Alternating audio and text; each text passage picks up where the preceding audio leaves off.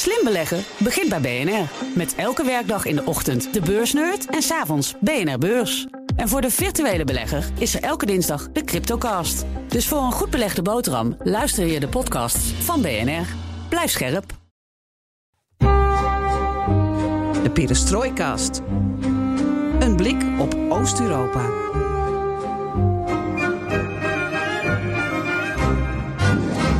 Welkom bij BNR Perestroikast, aflevering 174 van de enige podcast van Nederland die volledig oog voor het oosten heeft en geeft. Ja, we moeten gelijk door het stof. Meteen, even, dan hebben we dat ook gehad. Ik weet dat je er echt tegenaan zit te hikken en het uh, met moeite uit je mond gaat krijgen, maar... Ik denk dat het mijn stof is, niet de jouwe. ja, maar we, we, dekken elkaar altijd, toch? Nou, jij kreeg de, de reactie van onder meer reactie, André. Ja. ja. klopt. Nou, lees maar voor wat, uh, wel, welk stof ik moet happen. Ja, het, moet ik dat voorlezen? Het ging over de vorige aflevering over het dorp, het Oekraïnse dorp. En we kregen reacties van luisteraars, onder meer van, uh, van André via de mail. En uh, ik moet er voorlezen. Ja, doe maar. Quote, citaat. Naar aanleiding van aflevering 173 van de Perestrooikast. Aan het begin kwam Sacco, kwamen Sacco en Van Zetti kort voorbij. Wat Geert-Jan over hen zei, Italiaanse immigranten die daar industriële activiteit hebben geregeld. Dus in Donetsk, in Donbass, zit er een tikkeltje naast. Het waren Italiaanse immigranten, maar dan in de VS. En hun activiteiten waren niet zozeer industrieel als wel anarchistisch. Ze werden wereldberoemd, schrijft André, André, André, toen ze in 1921 zonder bewijs ter dood werden veroordeeld voor moord. Ja, ik zat ernaast. Het was een spontaan onderdeel ja. van ons gesprek, Floris. Niet gescript en ik haalde zaken door elkaar toen we het over allerlei beroemde dorpen in de Donbass uh, hadden. Uh, maar onze gast hier, uh, Isa, die ja, wist dit vast. Toch? Uh, nee. Sacco en Vanzetti. Nee? Nee. nee? Nou, ik heb het dan even opgezocht. Mm -hmm. um, en uitgeschreven, zodat ik het hopelijk nu wel goed vertel. Want er zijn gewoon hele slimme luisteraars. Historisch meer onderlegd uh, dan ik. Dus ik gele- geef gelijk uh, grif toe dat ik het uh, beter had moeten voorbereiden. En geen spontane dingen meer moet zeggen. Kijk, um, je hebt blijkbaar ook Sacco en Vanzetti als bierbrouwerij in Moskou. Um, je hebt wegen die ernaar genoemd zijn in Rusland en Oekraïne. Een appartementencomplex in Jekaterinenburg kwam ik tegen. Schijnt ook zelfs uh, een, een, bekend Russisch potlodenmerk te zijn geweest. -hmm. Moskou maakte dus ja, dankbaar gebruik van de ter dood veroordeling van, uh, van deze mannen... door ze als martelaren neer te zetten 100 jaar terug. Geen ruimte in het Westen was er voor andere geluiden dan het kapitalisme. Angst voor alles wat communistisch, sociaal of anarchistisch was. Dat moest worden uitgeroeid daar in Amerika. En um, ja, dat was uh, uh, een soort dankbaar geschenk... dat aan de andere kant van het ijzeren gordijn is omarmd en uitgemolken. Ah, zo zit het dus. Ik ben bang dat we weer nieuwe mailtjes krijgen. nou, het in ieder geval, ja, een foutje gemaakt kan gebeuren. Het houdt ons in ieder geval scherp. Ik ben heel blij Het is- met het is- het is inhoudelijke kritiek. Precies, het is leuk dat we allemaal reacties krijgen. Eh, niet eh, los van het feit dat we ook positieve reacties vaak krijgen, maar ook wel reacties die ons dus scherp houden en waar we ook wat van leren, zou ik zeggen. Ik heb ook wel eens gezegd in een talkshow dat er een, eh, een, een kernraket op het Kremlin moest komen. Dus dan viel dit nog wel mee. Kijk, dan ga je nu helemaal al je fouten af. eh, dan ga je nu helemaal diep, twee? diep, diep, diep door het stof. De Of enige dat een fout is, weet ik niet de, hoor. de, de twee in je enige leven. Nou, een kernwapen of drone, je zat niet ver naast. Rustig aan, jongens, rustig aan. Oké, nou, dan laten we, we hebben zijn naam al genoemd. Isa is hier ook. Jullie kennen hem allemaal van Twitter vooral bekend. Ehm, we waren vorige week in het dorp, of de vorige, vorige aflevering. En nu gaan we van het kleine naar het grote, naar de eh, geopolitiek. Met onze enige echte Jezus, Jezus Jozef zoon, oftewel Isa Yusibov. Ja. Oh, je legt het accent nog steeds goed, hè? De klemtoon. Is dat zo? Ja, daar hebben we een paar afleveringen over gedaan, Isa. Dat het Yusibov was en niet Yusibov. Jussi- het is Jusibov. Nou moet ik weer rectificeren. Jongens, jongens, jongens. Het is Yusibov. Oké. Maar wel Jezus, jo Jezus Jozefzoon. Ja, officieel vertaald wel. Ja. Het is wel een, een, een tongbreker. Jezus Jozefzoon. Maar super fijn dat je er bent, Isa. Eén keer in de zoveel tijd hebben we het eh, genoegen. Gefeliciteerd ook met een nieuwe baan. Ehm, Mhm. Volgens op, eh, op Twitter. En daar heb jij er vele van. Die hebben dat ongetwijfeld meegekregen. Jij gaat eh, de populairste partij van het land vanaf nu adviseren. True. Ja, klopt. Dankjewel. Ja, je zit nu in dezelfde politieke partij als eh, Rob de Wijk. Dat hoor ik eh, van jullie. Maar eh Als wij goed van geïnformeerd zijn. omstandigheden, zullen we zeggen. Dat wordt vast gezellig. Denk- Is toch goed? En ineens is het heel stil.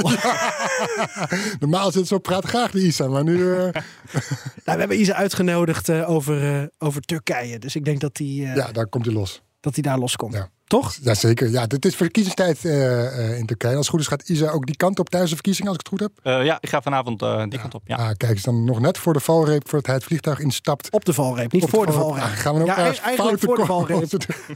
Ehm, heeft hij nog tijd gevonden om met ons te praten? En wij zijn eigenlijk benieuwd naar het volgende. Geert-Jan kwam met het idee. Hoe is het mogelijk dat Turkije op dit moment partner is van zowel Rusland als Oekraïne? Terwijl Turkije natuurlijk NAVO-lid is. En komt er een punt, Isa, dat moet je allemaal gaan eh, an- beantwoorden... dat Turkije moet kiezen voor Rusland of voor Oekraïne. Daar zijn we dus benieuwd naar. En we gaan die relaties, eh, verschillende relaties ook een beetje ontleden, uitdiepen. En eh, we gaan verder dan de meeste mensen misschien wel denken. En uiteraard kijken we toch straks ook even naar de situatie aan het front in Oost-Oekraïne. Want de briesende bullenbakken over Bagmoed, daar heeft Isa wel een opvatting over. Maar toch eerst eventjes beginnen met 10 mei. 10 mei. Ja, Zo 10 mei. nou, we hebben het heel veel over 9 mei gehad. Maar eh, Isa, moeten we jou nou feliciteren met de dag van de bloemen? Eh, Want 10 mei is het groot feest in Baku. Ja, klopt. Leg Eh, uit. Ja, liever niet, want dat is ehm, ja, sinds 2005 wordt de geboortedag van de voormalige president vader Aliyev eh, elk jaar eh, ja, gevierd eigenlijk op 10 mei. Eh, en dan, eh, nu doen ze dat niet meer, omdat ze het geld eh, niet hebben voor dat soort dingen. Maar dat was een periode dat jarenlang heel veel tulpen vanuit Nederland besteld werden. Er, er zijn ook tulpen gekweekt op zijn naam, zeg maar, in Nederland. En ik, ik, had me, ik kan me nog ver- herinneren dat ik die, die kwekerijen een boze brief had gestuurd tien jaar geleden. Zo van, ja, dit moet jullie niet doen en dat soort dingen. Ehm, En wat was, wat was de reactie? niks. toch. Niks. Hij Ja. kwam er gewoon Aliyev Ja. eh, top. Ehm, ja, nu hebben ze het geld niet, dus eh, nu doen ze dat niet meer. Maar het, het is nog steeds eh, ja, de dag van de bloemen. Maar eh, ik ben momenteel alleen blij dat ik op vakantie ga. Voor de rest denk ik nee. Is het nog wel een feestdag? Eh, ja, eh, ja, ja. Oké. Ja, we, we, we hebben het zelfs over bloemen. Bloemendag in Azerbeidzjan. Dus ja, je hoort eigenlijk al van het dorp tot aan geopolitiek tot aan bloemendag in Azerbeidzjan. Alles ten oosten van de rivier de Elbe kan in de komende weken, jaren, maanden besproken worden in deze perestrooikast. En wat leuk is, is dat we heel sociaal en democratisch zijn. Je kan ons mailen, zoals André heeft gedaan. En eh, abonneer je op ons, zodat je geen aflevering hoeft te missen. BNR Perestrooikast, zoek ons op in je favoriete podcast-app. Mijn naam is Geert-Jan Haan En ik ben Floris Akkerman. en dit is BNR Perestrooikast.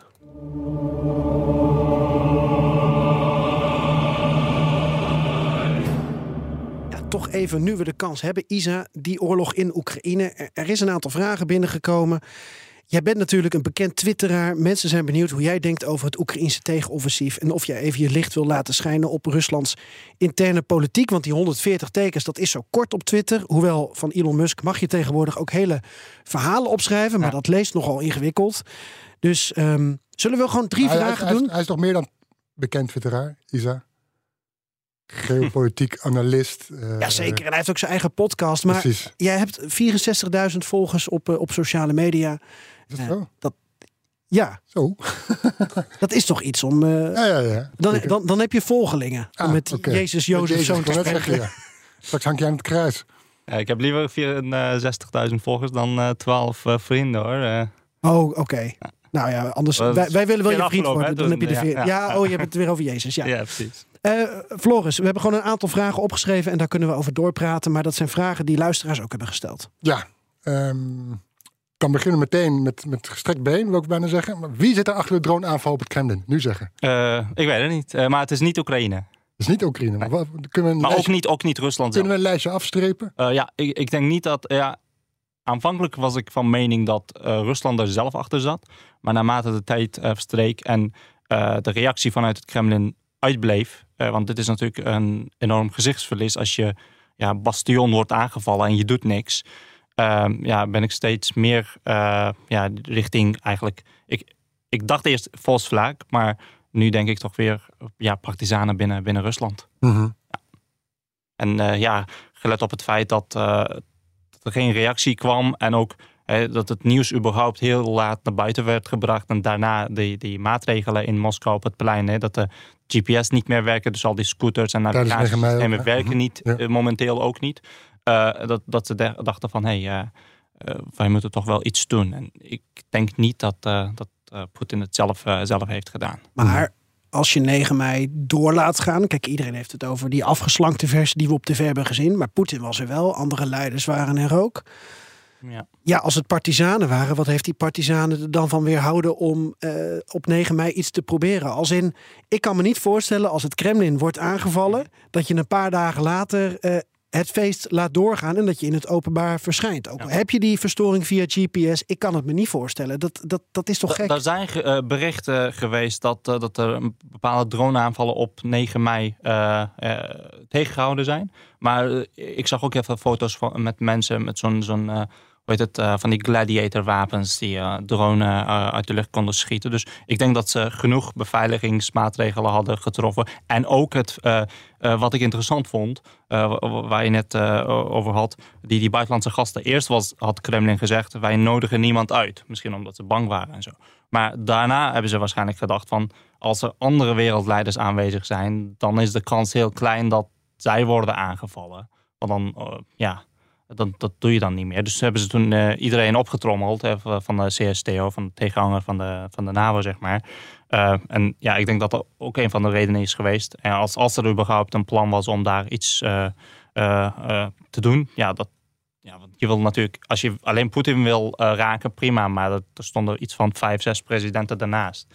Ja. dat heeft ze misschien van weerhouden om iets te flikken. En ze is dan? Ehm, ja, pa- partisanen in Rusland zelf, ik denk nog Dat steeds. is ook die- Ja, ja. Ja. Ik denk niet dat Oekraïne daarachter zat, eerlijk gezegd. Ik denk wel dat die arme Lukashenko een drone had ingeslikt. Want die zag er niet goed uit. Nee, Nee. weet je. Ehm, vraag 2. Ja, en dat is toch waar iedereen eh, zich, zich over verbijstert. eh, Zich afvraagt ja, hoe die lijntjes nou lopen tussen al die krijgsheren, om het zo maar even te zeggen. Poetin, Shoigu, Gerasimov, Surovikin, Prigozhin, Kadyrov. Wie doet het met wie? Ehm, iedereen met iedereen. en eh, dan heb je een arbiter daarboven, dat is Poetin. Het, nadeel van, van zo'n oligarchensysteem is dat je heel veel fracties hebt met eigen belangen en zo. Oh, Het zijn militair, het zijn economisch. En je moet dan wel een sterke leider hebben die eh, beide, of in ieder geval meerdere fracties, eh, in toom kan houden. En Poetin, eh, het is Poetin tot, tot nu toe wel gelukt. Eh, je hebt nu twee fracties die met elkaar in de clinch liggen. Eh, aan de ene kant heb je eh, Prigozhin eh, en aan de andere kant heb je het minis- ministerie van Defensie. En ik, ja, de strijd gaat niet alleen over het wel of niet leveren van de, van de nodige munitie eh, in Bakhmut, maar ook om eventuele post- post-Poetin-periode. Want ehm, tegelijkertijd denk ik dat, het is, het is mijn indruk, dat Prigozhin ook gesteund wordt door bepaalde machtige mensen in het Kremlin die eh, het niet leuk vinden dat het staatsbudget, zeg maar, het grootste gedeelte via Mindef gaat. Zij willen ook een hand leggen op, eh, op dat geld. Ehm, en dat ze daarmee eh, ja, eh, met de uitspraken van Poet, of, eh, Prigozhin eh ministerie van Defensie onder druk willen zetten. En dan heb je daartussen heb je mensen als Surovikin en zo die ook goed zijn met, met Prigozhin, maar tegelijkertijd uit, de, uit het ja, defensie-echelon komen.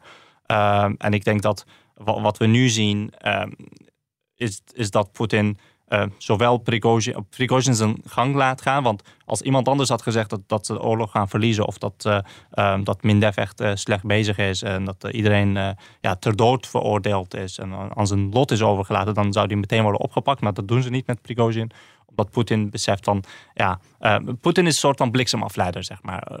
Er zijn heel veel mislukkingen.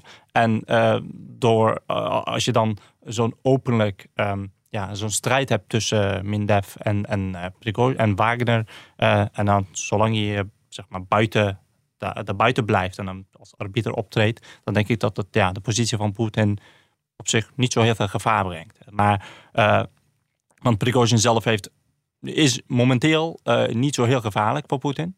En zodra hij gevaarlijk begint te worden, dan denk ik dat er wel een actie komt. Maar momenteel ehm, kan Poetin het eh, gewoon goed beheersen. Ja, wat was dan de rol van Kadyrov? Want ik zie hè, van tevoren voor de oorlog zou, zou beginnen, Oekraïne, ja, de Tsjetsjenen komen en die zullen wel eventjes eh de Oekraïners mores leren. Ja.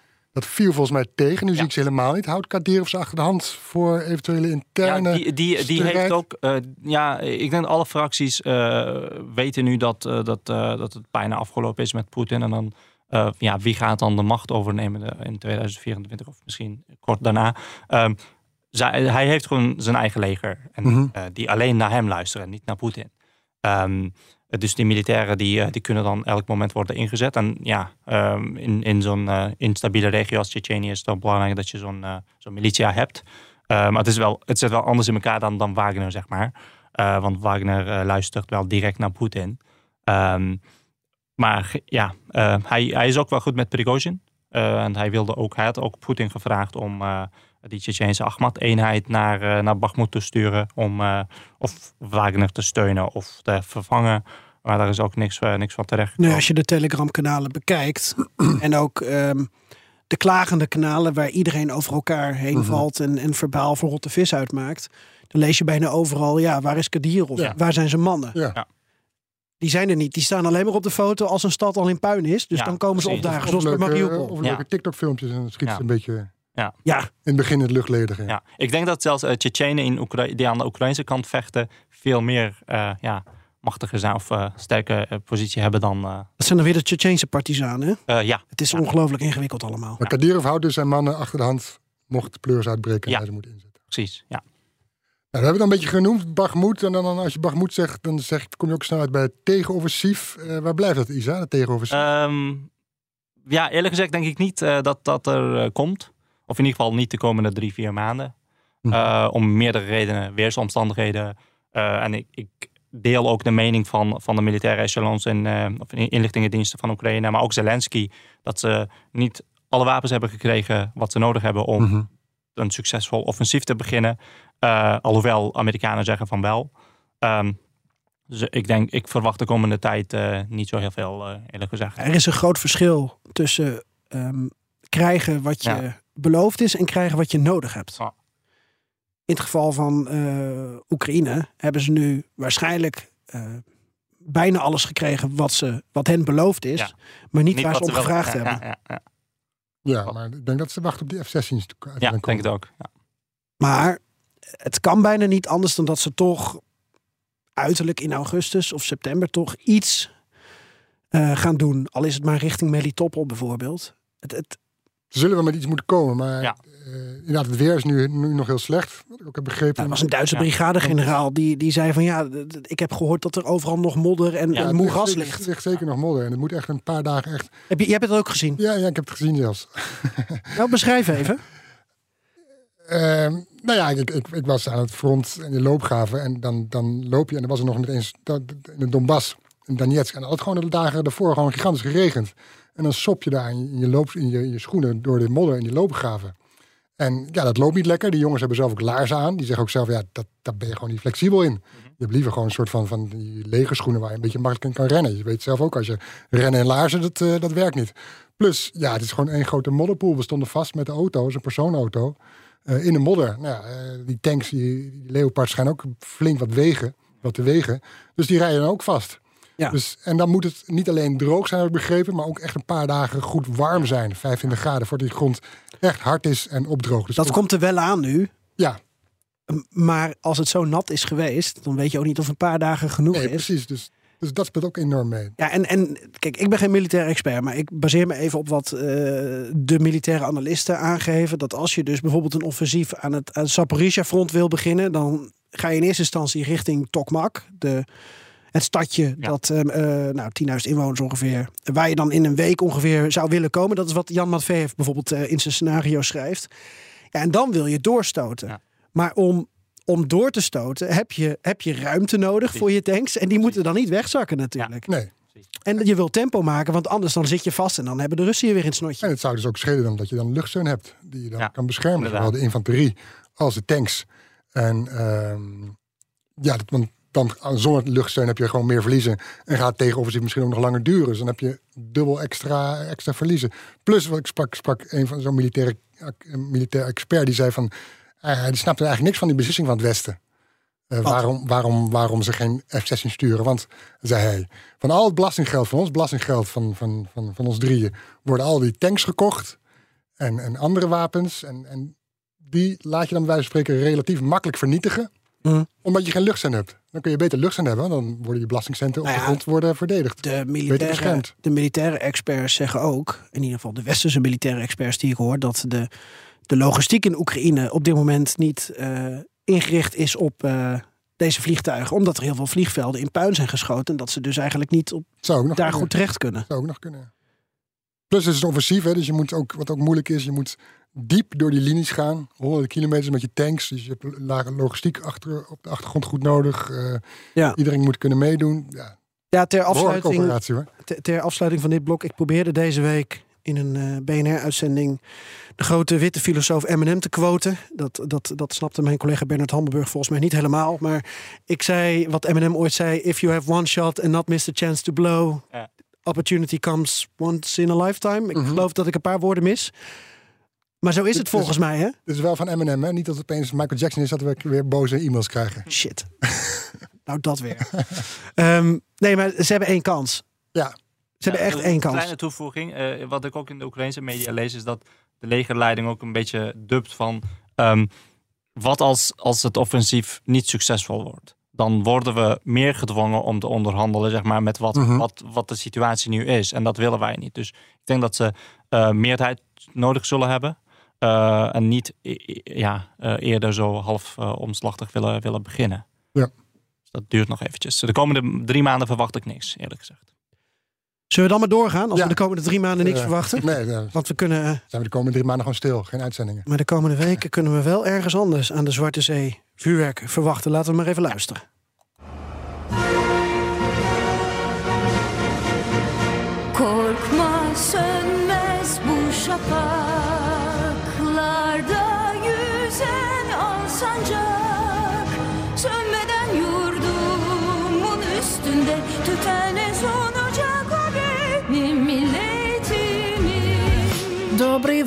вечір, вечір в хату, як не кулі, то грати. Ей, шановні окупанти, маємо дещо показати.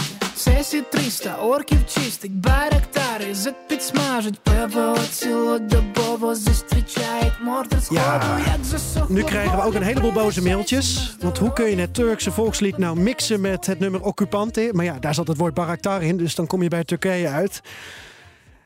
Zullen we het gaan hebben over Turkije en de relaties met Oekraïne en Rusland? Ja, ik, eh, ik, ik, er staat hier als iemand de Zwarte Zee kent, dan is het Isa Yusibov. Maar hij komt uit geboren in Azerbeidzjan, het grens aan de Kaspische Zee. Ik snap het even niet. Ik moet rectificeren in het volgende. nou, dit weer. God, ik haal de zee ook nog door elkaar. Maar goed, de rest is wel eh, duidelijk. Kind in huis in Turkije en Ja. kenner van Rusland en Oekraïne. En groot fan van de Georgische wijn. Dat is Zwarte Zee, toch? Ja, Ja. dat grens aan de Georgische Ja. grens aan de Zwarte Zee. Daar heb ik ze gespiegeld. Ja, dat eh, maken we wat moois van. Nou, we focussen ons eh, even op de relatie die Turkije heeft dus met Oekraïne en Rusland. En kijken of we daar eh, ja, conclusies eh, aan kunnen verbinden. Ja, Isa, Ja. de rol van Turkije. Nou, ze, ze doen zaken met Rusland en ze doen zaken met Erdogan, doet zaken met, eh, met Oekraïne. Wat, wat, proberen ze als van twee walletjes te eten? Eh, ik denk het wel. Eh, maar dat heeft vooral te maken met, de- met de luxe positie die eh, Turkije eh, altijd al heeft gehad. Want het is het eh, enige NAVO-land wat eh, nog enigszins met Poetin kan praten en wil praten. Eh, en Poetin weet dat ook. En het laatst, eh, wat is het? Eh, dit jaar hebben ze alleen al ja, meer dan tien keer eh, met elkaar gesproken, telefonisch. Eh, staatsbezoeken en zo, dat, dat soort dingetjes. Eh, en tegelijkertijd eh, Turkije is ook voorstander van, van de NAVO-toetreding van Oekraïne. Ze hebben zelfs meegeschreven aan die, eh, ja, zijn eerste ja, het concept van eh, Membership Action Plan. Ehm, en Turkije steunt eh, Oekraïne met, met drones en dergelijke. Dus ja, je ziet wel dat. Het, het heeft niet alleen te maken met, met de rol van, of de, in ieder geval de standpunten van Erdogan, maar elke Turkse leider zou denk ik hetzelfde doen. als ik de, de geopolitieke locatie, de strategische ligging van Turkije in acht neem. Ja, nu proberen ze dan allebei eh, ehm, ja, van, van twee walletjes te eten. En ik, vooral met het idee van ehm, dat Turkije zich wil profileren als een soort van eh, mediator voor, eh, ja, tijdens zo'n eh, zo'n oorlog. Want dat straalt goed af op Turkije. Ik denk het wel. Ik denk dat eerlijk gezegd, als er, als er überhaupt onderhandelingen komen tussen Rusland en Oekraïne weer, ehm, dat Turkije ja, zo'n opnieuw host zal zijn. Want ja, het is natuurlijk handiger om, om eh, met, met in, of in ieder geval eh, ergens in Istanbul of Ankara te praten of onder Turkse bemiddeling. Als je weet dat eh, beide landen die met elkaar aan tafel moeten, wel een soort van hoge pet op hebben van jou. Ehm, en Turkije is een van de weinige landen waar Oekraïne en Rusland tegelijkertijd ja, een beetje verwachtingen van hebben. Dat zie je ook met, de, met die graandeal en dergelijke. En ook de eerste onderhandelingen die in Turkije plaatsvonden. Ehm, eh, maar ik merk ook wel in de Turkse media dat is de laatste tijd ook wel wat weer. ehm, ja, eerst waren ze een soort van neutraal. Hè, eh, ehm, dat ze aan de ene kant de oorlog eh, veroordeelden, aan de andere kant zeiden van we gaan Oekraïne nog Rusland eh, laten vallen. Omdat ze gewoon heel veel belangen hebben, heel veel economische verwevenheid is tussen Rusland en Turkije enerzijds, maar ook de Turkse positie aan de Zwarte Zee, vooral Oekraïne anderzijds. Dan willen ze ervoor zorgen dat dat gewoon zo, zo blijft. En dat kun je alleen doen als je van twee walletjes blijft eten, denk ik.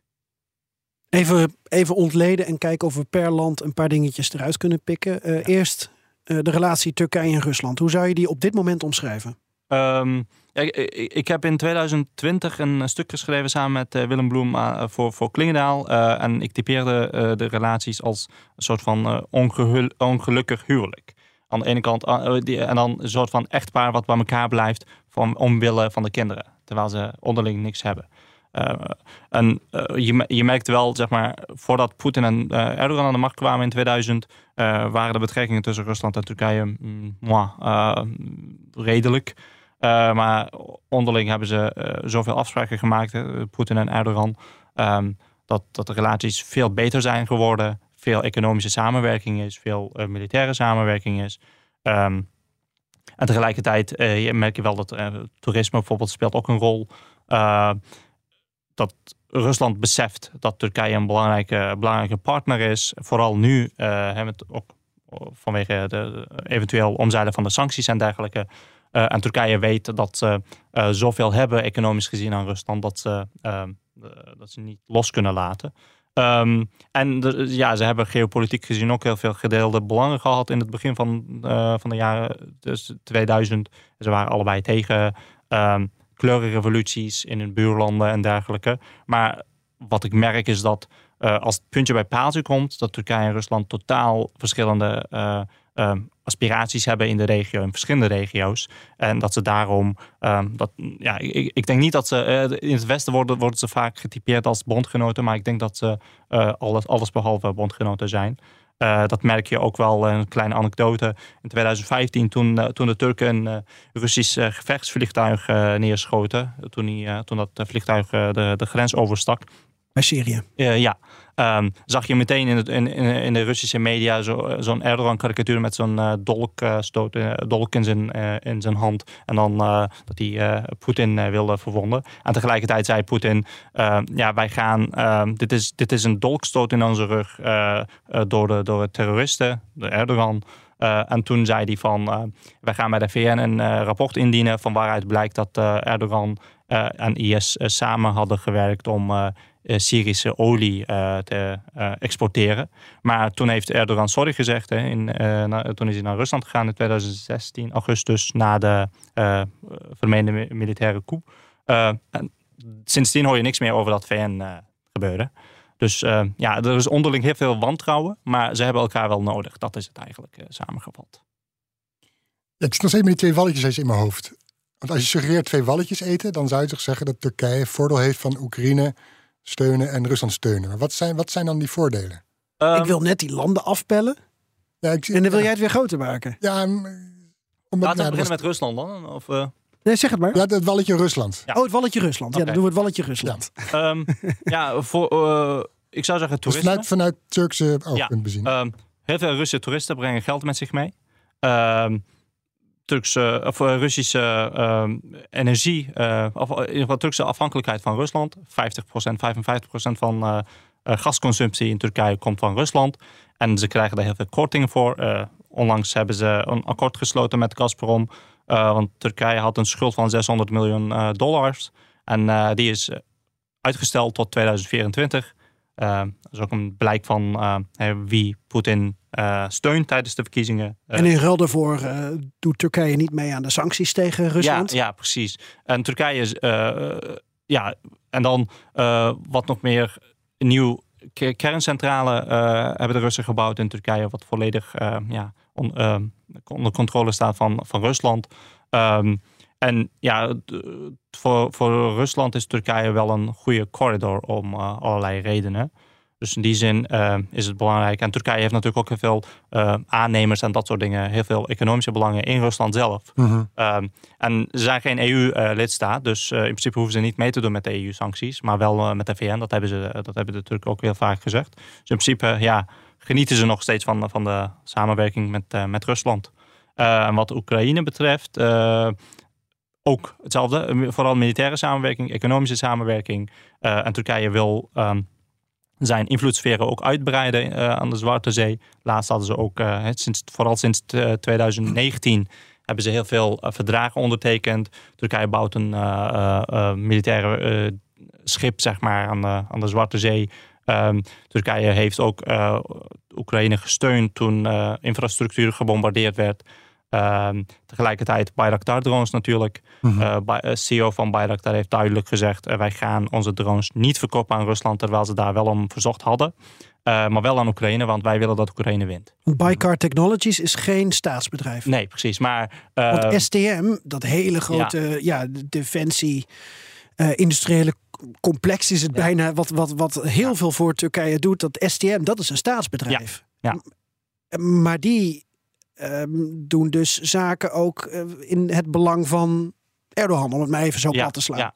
Eh, eh, klopt. Maar dat, dat, eh, dat doet Bayraktar ook een beetje. De schoonzoon van Erdogan is daar ook bij, bij betrokken. Uiteraard. Uh, ja, ik denk dat, dat Poetin dat ook wel weet. Uh, maar Turkije gebruikt uh, die, die luxe positie die ze hebben ook om uh, Oekraïne te steunen. Omdat ze weten van um, als, als Rusland zich ja, daar, daartegen verzet, dan betekent het ook dat Turkije wat meer richting het westen kan afdrijven. En zo. Dus in die zin probeert Rusland ook Turkije een beetje in balans te houden.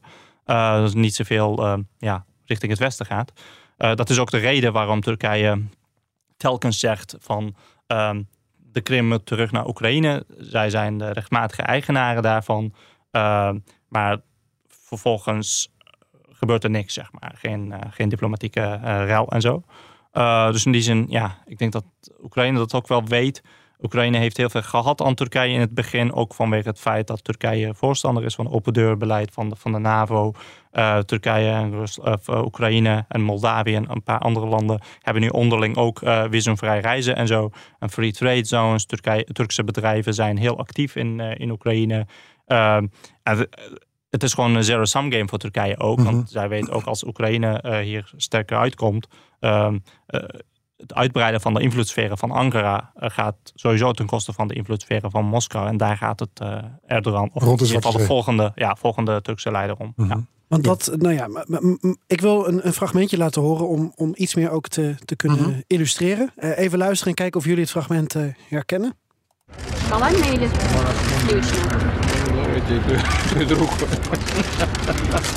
Шоколадная или сливочная? друг. Параллельно берешь? За меня тоже заплатишь, да? Да, заплачу. Так ты же гость. Не соответствует традиции. 210. А? 210? Вот министру дадите. Ему на развитие авиации. Ja, 20 seconden lang uh, het geluid van uh, fototoestellen. Ja. Ik vermoed dat het, het uh, Poetin hier een uh, vers roebelbiljet uit de zak haalde. Waarschijnlijk nog nooit uh, normaal geld in zijn zak gehaald om een ijsje voor Erdogan af te rekenen. Ja. ja. en dan maak ik even de hele flauwe. Uh, het is bijna een mop van Joost, uh, als je dit fragment ook kijkt. Maar dan maak ik even de vraag hiervan, uh, Isa. Dit was 2019. Ja. En ik zit me toch de hele tijd af te vragen. waarom die band tussen, tussen Erdogan en Poetin. Um, ja, toch, toch niet als koud wordt wordt gezien. Mm -hmm. Hoor je? Woordschap. Mm, ja, Heel flauw. Ja.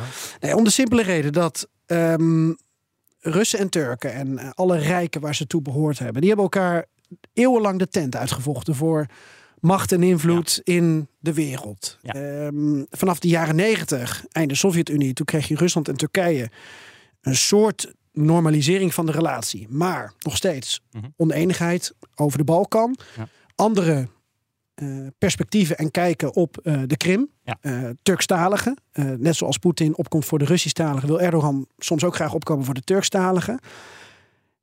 Syrië heb je net genoemd. Er zijn zoveel redenen om eigenlijk in te Zuidelijke zien. Caucasus. Ja, de Zuidelijke Caucasus natuurlijk. Centraal-Azië. Centraal-Azië. Ja. Waarom hebben ze geen ijskoude band? Ehm, dat hebben ze eigenlijk wel, maar eh, het, ja, eh, het, eh, het is een beetje theoretisch gezien. eh, als je twee eh, autoritaire leiders hebt, dan is het heel vaak zo dat de betrekkingen tussen de landen eh, gestoeld zijn op persoonlijke betrekkingen tussen die twee leiders. En zolang ze met elkaar direct in gesprek kunnen, dan kunnen heel veel dingen worden opgelost. Maar het, het gaat hem vooral om economische samenwerking. Ik denk dat heel veel geopolitieke of, eh, invloedssferen, zeg maar, kwesties daar daaromtrent, eh, al die regio's waar ze elkaar eh, de tent uitvechten, ehm, momenteel in, in de ogen van beide leiders niet opwegen tegen de economische samenwerking, de ba- eh, baten daarvan, omdat ze gewoon eh, simpelweg ja, economische vooruitgang willen. Ehm, maar het, het blijft altijd eh, die, die betrekkingen zullen altijd koud blijven. Daarom noemde ik eh, in mijn artikel ook zo'n ongelukkig eh, huwelijk. Want in de geschiedenis van de mensheid zijn Turken en de Russen de enige twee naties die zo vaak een, in directe oorlog zijn geraakt met elkaar. Verder kom je ze niet zo heel vaak tegen. En in, volgens mij was het uit mijn hoofd 15 oorlogen waarvan Rusland er, of in ieder geval het Russische Rijk, het 13 heeft gewonnen. Ehm, dus ja, en de vraag is natuurlijk hoe, hoe dat zich in de, in de toekomst gaat eh, ontwikkelen. Maar momenteel denk ik dat eh, zowel Poetin als Erdogan ehm, weten dat de economische samenwerking en een wederzijdse afhankelijkheid, soms is dat asymmetrisch, eh, ehm, ja, belangrijk is en veel voordelen heeft dan wanneer je zeg maar over de, over de geopolitiek praat. Zelfs, eh, zelfs als er conflicten zijn, en, want Turkije en Rusland willen allebei hun invloedssferen uitbreiden in dezelfde regio. Dat gaat geheid fout en dat gaat voor problemen zorgen. En dat, dat zie je ook. Maar eh, omdat ze dus eh, persoonlijke betrekkingen hebben, zijn ze altijd erin geslaagd om eventuele conflicten uit de weg te gaan. En eh, met elkaar samen te werken. Terwijl ze bijvoorbeeld in Syrië eh, steunt eh, Poetin eh, Assad, maar Turkije steunt oppositie. eh, Maar goed, en- die hebben van de week ook weer met elkaar gesproken. ja, precies. Dat bedoel ik. En dan, eh Als is, de ministers van Buitenlandse ja, Zaken. er is kennelijk een, altijd een soort van eh, platform waar ze eh, met elkaar kunnen, kunnen overleggen. Terwijl ze, ehm, als ze eerlijk zijn, eh, ja, de ander helemaal eh, finaal uit de regio zouden willen sch- eh, schoppen. Maar goed, ehm, Ja, ik vind de Krim toch wel een interessant voorbeeld. Omdat als je het hebt over de Zwarte Zee, waar Azerbeidzjan dus niet aan ligt, maar de Krim wel, toch? Ja, Mhm. even checken bij jullie. Mhm. Je zou kunnen denken, omdat de Krim toen naar Rusland ging, Ja. eh, illegitiem, zeg ik maar weer bij. Ja, toen, toen verschoof de machtsbalans aan de Zwarte Zee. En niet op een manier zoals de Turken dat graag Mhm. eh, eh, zouden zien. Ja. Ehm, dus waarom is dat geen breekpunt dan, dan geweest? En ehm, wat ik ook fascinerend nog vond, een ander moment, is het begin van de eh, volledige eh, Russische invasie in Oekraïne. Het du- duurde eh, drie dagen. En, en daarna heeft Turkije gezegd, volgens mij Cavusoglu, minister van Buitenlandse Zaken, dat, ehm, dat hier sprake was van een, van een oorlog die Rusland aan het voeren Ja. was. En niet meer van een, van een conflict. mhm. En toen werd ook de Zwarte Zee, de Bosporus, afgesloten Ja. voor Russische oorlogsschepen. Ja. Nou, dat was op zich wel redelijk partij kiezen. Mhm. Maar waarom was dat, hebben ze dat niet tijdens, tijdens de Krim gedaan? Mhm. Eh, ja, die, die, eh, die Montreux-conventie moesten ze sowieso volgen, want dat is gewoon een verdrag. Hè. Dan betekent dus dat ehm, ehm, het kan niet zo zijn dat ze zeggen van ja, we laten de Russische oorlogsschepen door, want dat mag officieel niet volgens, eh, volgens die conventie. Ehm, maar ik denk dat, eh, dat Erdogan ehm, zich ook een beetje ja, zo'n foute calculatie heeft gehad. Net als eh, vele westerse leiders. Zo van dat het eh, bij, bij de Krim zou blijven. En het kwam ook heel onverwachts. En tegelijkertijd wilde hij ook niet. want ze waren ook bezig met, met Syrië en Libië en Maar zo. zijn wel Turkstalig, hè? Op de ja, en dat, ja. dat is heel, heel belangrijk. Ja, maar ik, vind, ik vind Erdogan eerlijk gezegd niet zo nationalistisch als, als hij in het Westen wordt geportretteerd. Ehm, ehm, want hij heeft letterlijk ook gezegd dat hij, toen, toen zij aan de macht kwamen, dat ze het nationalisme eh, eh, met de voeten hebben betreden. Dus eh, ehm, in die zin verwacht ik eh, niet zoveel van hem. Ehm, maar Turkije heeft wel telkens, hè, als je bijvoorbeeld ook naar de eh, VN-vergaderingen kijkt, die, die stemmingen. Turkije stemt altijd tegen Rusland en altijd pro, eh, pro-Krim. en heel veel Krim-Tataren wonen in Turkije. En ze, ze zeggen ook altijd van ja, de Krim moet terug naar Oekraïne.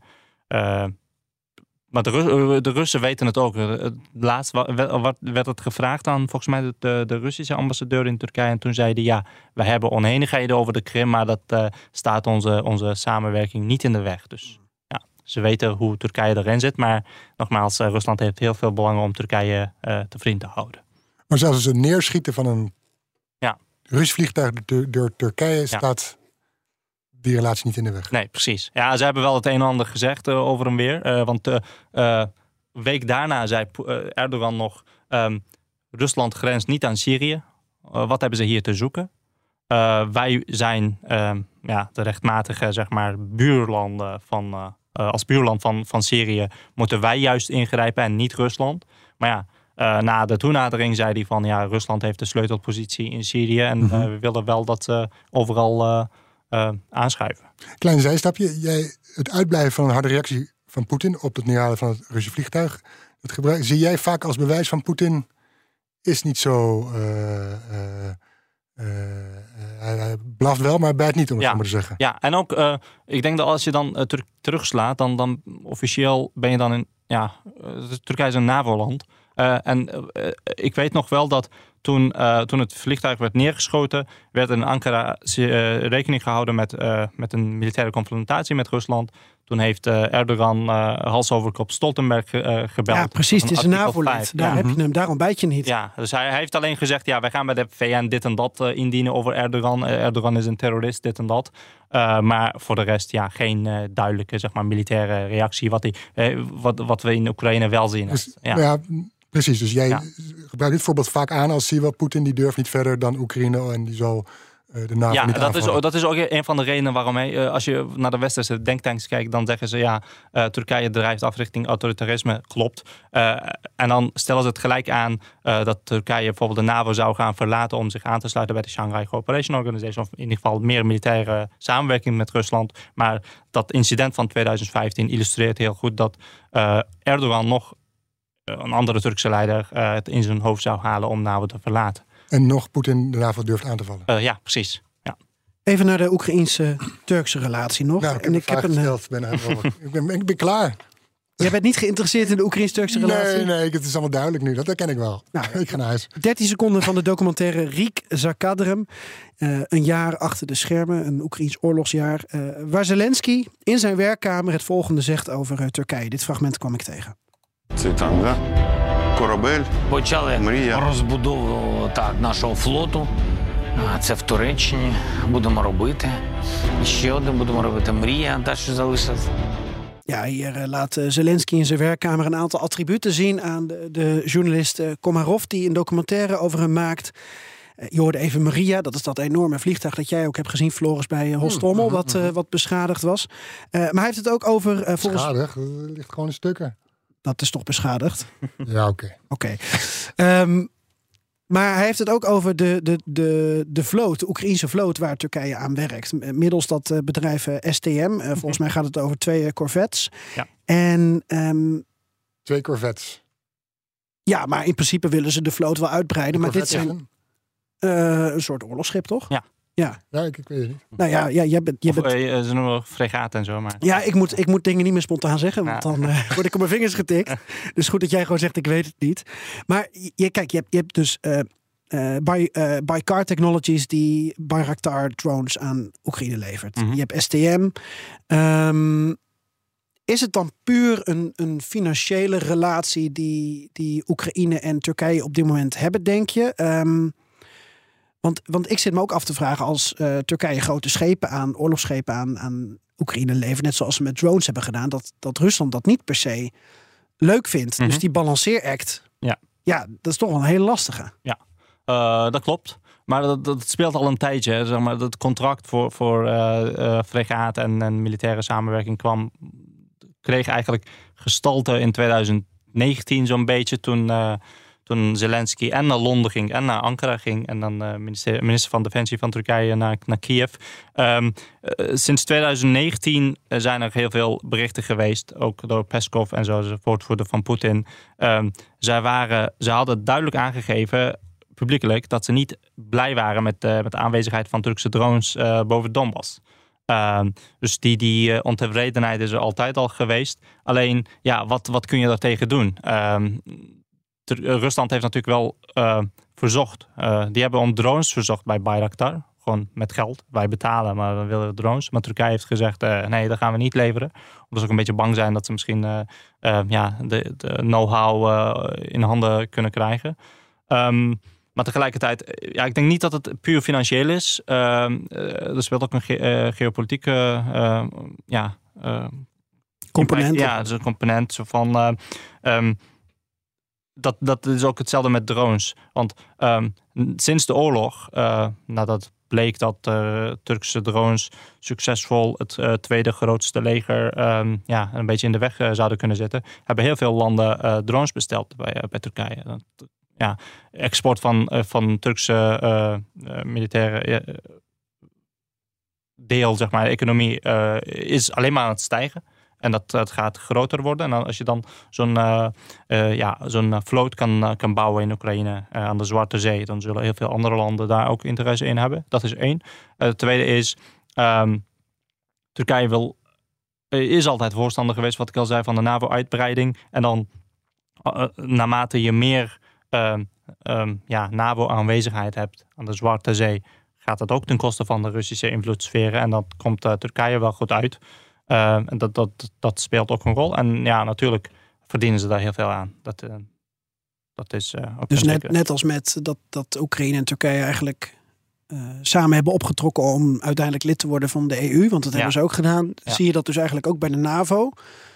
Dat ze voor de oorlog elkaar steunen. Alleen Turkije durft het niet aan in dit stadium Ja. om dat zo hard te spelen richting Rusland. Uh, ja, en dat, dat heeft voor, wel voor um, uh, um, problemen gezorgd in Oekraïne. Soms, soms zie je dat, dat, dat er geluiden zijn dat um, terwijl Erdogan uh, als een van de belangrijkste leiders wordt gezien in, in Oekraïne wat betreft steun, dat ze niet blij zijn met het feit dat Turkije zich niet aan, achter de EU-sancties schaart. En wat um, ook met dat, er waren ook berichten hè, dat uh, uh, de, de graan die door Rusland uh, gestolen was, eigenlijk werd overgenomen door de Tur Turk Ja. Turken en zo. Dus daar waren ze ook niet blij mee. Maar ik denk dat ja, um, de samenwerking al zo ver gevorderd is dat, um, dat er een soort van strategische sprake is van een strategische alliantie. Wat ja, ook tijdens de oorlog dat blijkt. Want ik denk dat Kiev nog steeds veel vertrouwen heeft in, in Turkije. Maar dan um, een, wat, heel vaak gebeurt met Erdogan is dat hij um, zoveel luxe posities heeft en dan steeds meer op de een of andere manier zijn hand overspeelt. En dan, dat moet hij hier niet doen. Uh, daar neigt hij wel naar. Uh, want uh, eergisteren was zijn adviseur op tv en die zei. Um, de oorlog moet stoppen, dat is één. En ten tweede, en de oorlog kan alleen zeg maar, counteroffensief gaat niks, niks uh, brengen. Uh, twee. Uh, en derde is dat um, Rusland en Amerika aan tafel moeten zitten met z'n tweeën om te bepalen hoe het, hoe het verder moet. Want dit kan zo niet verder. En ik weet niet of dat goed zal ontvangen worden in, in, Kiev. Um, want zij zeggen natuurlijk zo heel nadrukkelijk, ook een beetje tussen de regels door, dat Oekraïne niet meer grondgebied kan winnen dan, dan nu. En dat, dat het hierbij gelaten moet worden. En dan Amerikanen en de Russen met elkaar aan tafel moeten. Ja, maar de Turken uh, denken ook natuurlijk economisch. Ja. Want ja. als je het hebt over die twee walletjes, uh, Floris, dan uh, ja, de toerisme. Uh, veel Turken gaan naar Rusland. Maar nee, andersom. Uh, sorry, uh, veel Russen gaan naar Turkije. Ja. Maar diezelfde um, relatie hebben Oekraïne en Turkije. Het geldt wel om, om, volgens mij gaat het om minder Oekraïners, maar goed. Ja. Um, en infrastructuur. Je hebt de Owner Group, die al jaren uh, gigantische bruggen bouwt in, in Oekraïne. En Mhm. mm -hmm. nu ook de nieuwe brug in Irpin. Nou ja, die, die oude die kennen we allemaal. Uh, die nieuwe wordt ook door die Owner Group uh, gebouwd. Maar daar gaat natuurlijk ook ongelooflijk veel, veel geld in om. Dus zodra Precies. die wederopbouw ja. kan beginnen op sommige plekken. En zodra grenzen ja. zijn vastgesteld. Ja, Turkije heeft zijn vinger al opgestoken Ja, hoor. precies. Want dat, dat, daar, hebben- daar hebben ze ervaring mee in Libië, in Syrië en zo. In Nagorno-Karabakh ook. Eh, en nu, eh, ja, ik denk dat als, als de oorlog voorbij is en dan Kiev eh, de reconstructie nodig heeft, dan gaan ze kijken naar, naar Turkije. Want het is een buurland en ze hebben daar heel goede ervaring. Want zij, zij zijn nu zelfs bezig met het, ja, een van de aannemersbedrijven in Turkije, die gaat het stadion van Barcelona, eh, ja, verbouwen. Maar dat heeft niks met een, een, een, een oorlog te maken. Nee, nee, dat Nee, niet. nee, Maar gewoon een prestige dat, die, Nee. eh, die ze genieten. Ja. Ja, precies. Nou, we hebben nog die graandeal, hè? Ja. Eh, maar dat is eh, VN en, en Turkije. En die dan weer aparte overeenkomsten met Rusland en Oekraïne sluiten. Mhm. Tot nu toe elke keer eh, dreigt Rusland. ehm, proberen ze te chanteren. En Ja. dan komt die deal er toch wel. Nou ja, dat, dat is een rol die Turkije er ook in speelt. Als, als eh, ligger aan de Zwarte Zee. Wat wil jij nog vragen? Nou ja, dit wilde ik vragen. Jij, jij zegt eigenlijk dat Turkije wil zich opstellen als de bemiddelaar, toch? Dus Ja. de hoop van een staken vuren, een, een Ja. vredesplan. Overschat Turkije zichzelf daar niet mee? Of moet je dat soort dingen eerder overlaten aan China, dat toch wat meer, eh, ook bij Rusland misschien, wat, wat grote oor vindt? Ehm, ik denk dat Turkije best wel, ehm, ja, los van Erdogan, ik denk dat Turkije best wel eh, in een geschikte positie zit om dat te doen. Eh, maar als ze ja, dit soort dingen doen, zeg maar, eh, iets meer naar Kremlin neigen op, op sommige momenten, dat het dan eh, ja, wat gekanteld kan worden. Maar ehm, ik denk eerlijk gezegd dat ja, misschien. Er zijn ook andere landen, Saudis, die hebben het ook geprobeerd. Israël Eh, wordt genoemd. Ja, eh, Israël, Saudis, China. Maar als het puntje bij paaltje komt, denk ik dat ze toch allebei eh, bij Turkije uitkomen. Ja, en, en waarschijnlijk ook wachten tot het tegenoffensief Ja. verloopt en hoe Ja. dan de kaarten liggen. Ja, en wat volgens Turkije eh, eh, niet, niet veel eh, gaat brengen. Mhm. Maar goed, we zien wel. Nou, dan de hamvraag. De hamvraag. Erdogan, Ja. blijft hij aan de macht na de verkiezingen? Volgens mij heb jij gezegd ja. Eh, En ik, ja, mijn indruk is van eh, ja. Dus, dus, maar stel hij verliest hem toch. Ja. Wat heeft het voor invloed op de relaties met, met Oekraïne en Rusland en onderling?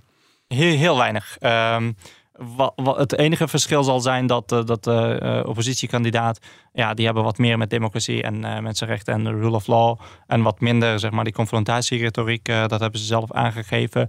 Maar als eh, eh, op, op sommige punten zal het precies hetzelfde blijven. Hè, zeg maar. Eh, Ze hebben ook gezegd, wij zitten niet bij de EU, wij, wij gaan de EU-sancties niet volgen, want dat is dat brengt voor ons veel problemen met zich mee. Eh, maar eh, alleen de VN-sancties gaan we volgen. We zullen blijven praten met Rusland. We zullen blijven praten met Oekraïne. Eh, op zich is dat niet, geen koerswijziging, eh, Mhm. wat mij betreft.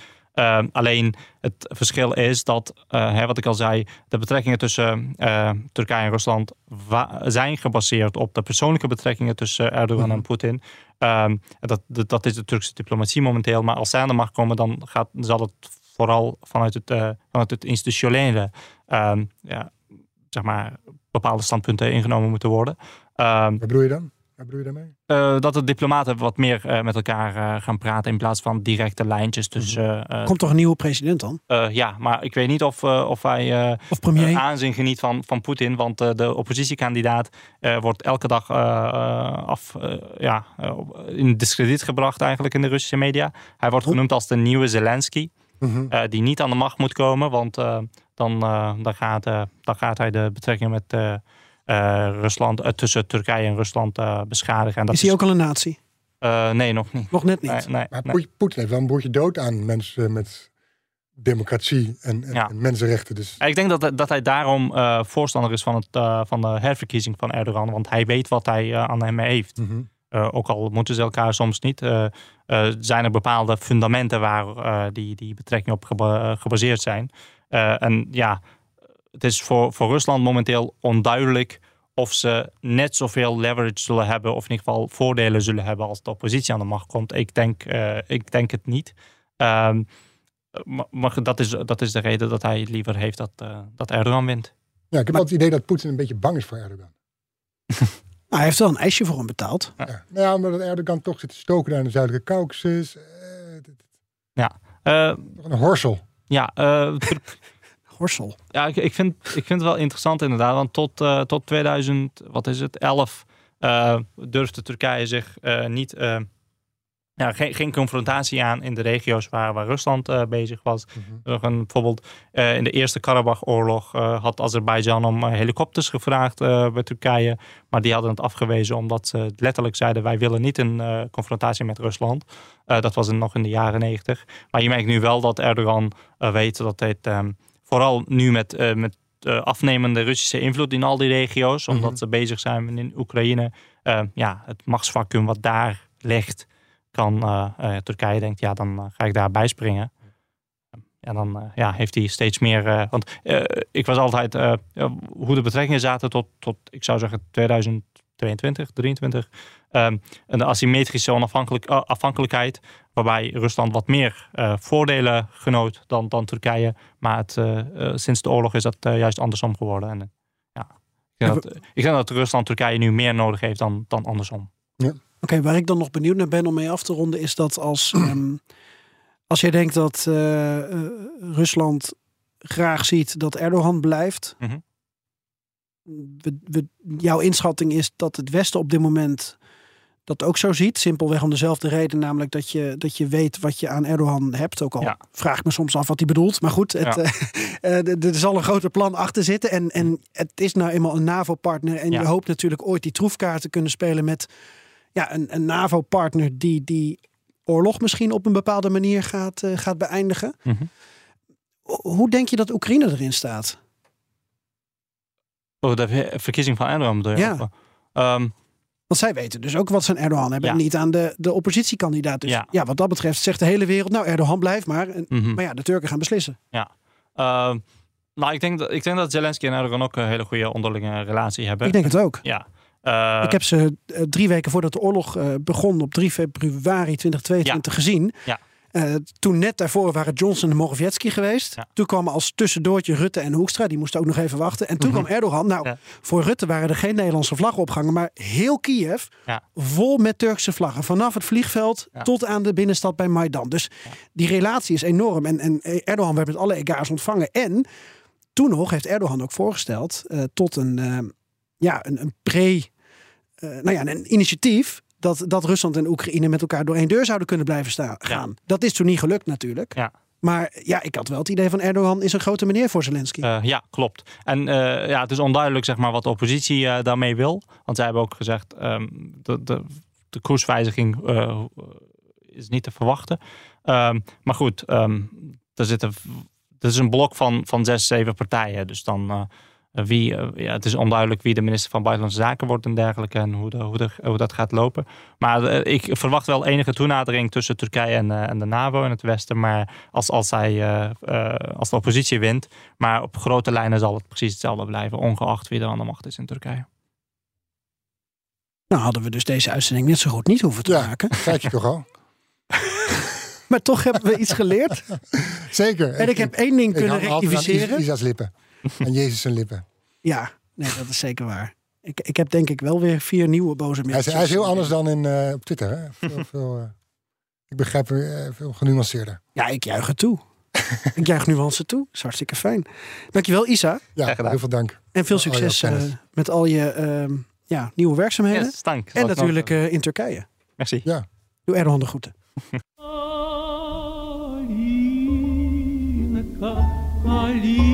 Калинка, калинка моя, в саду ягода, малинка, малинка моя.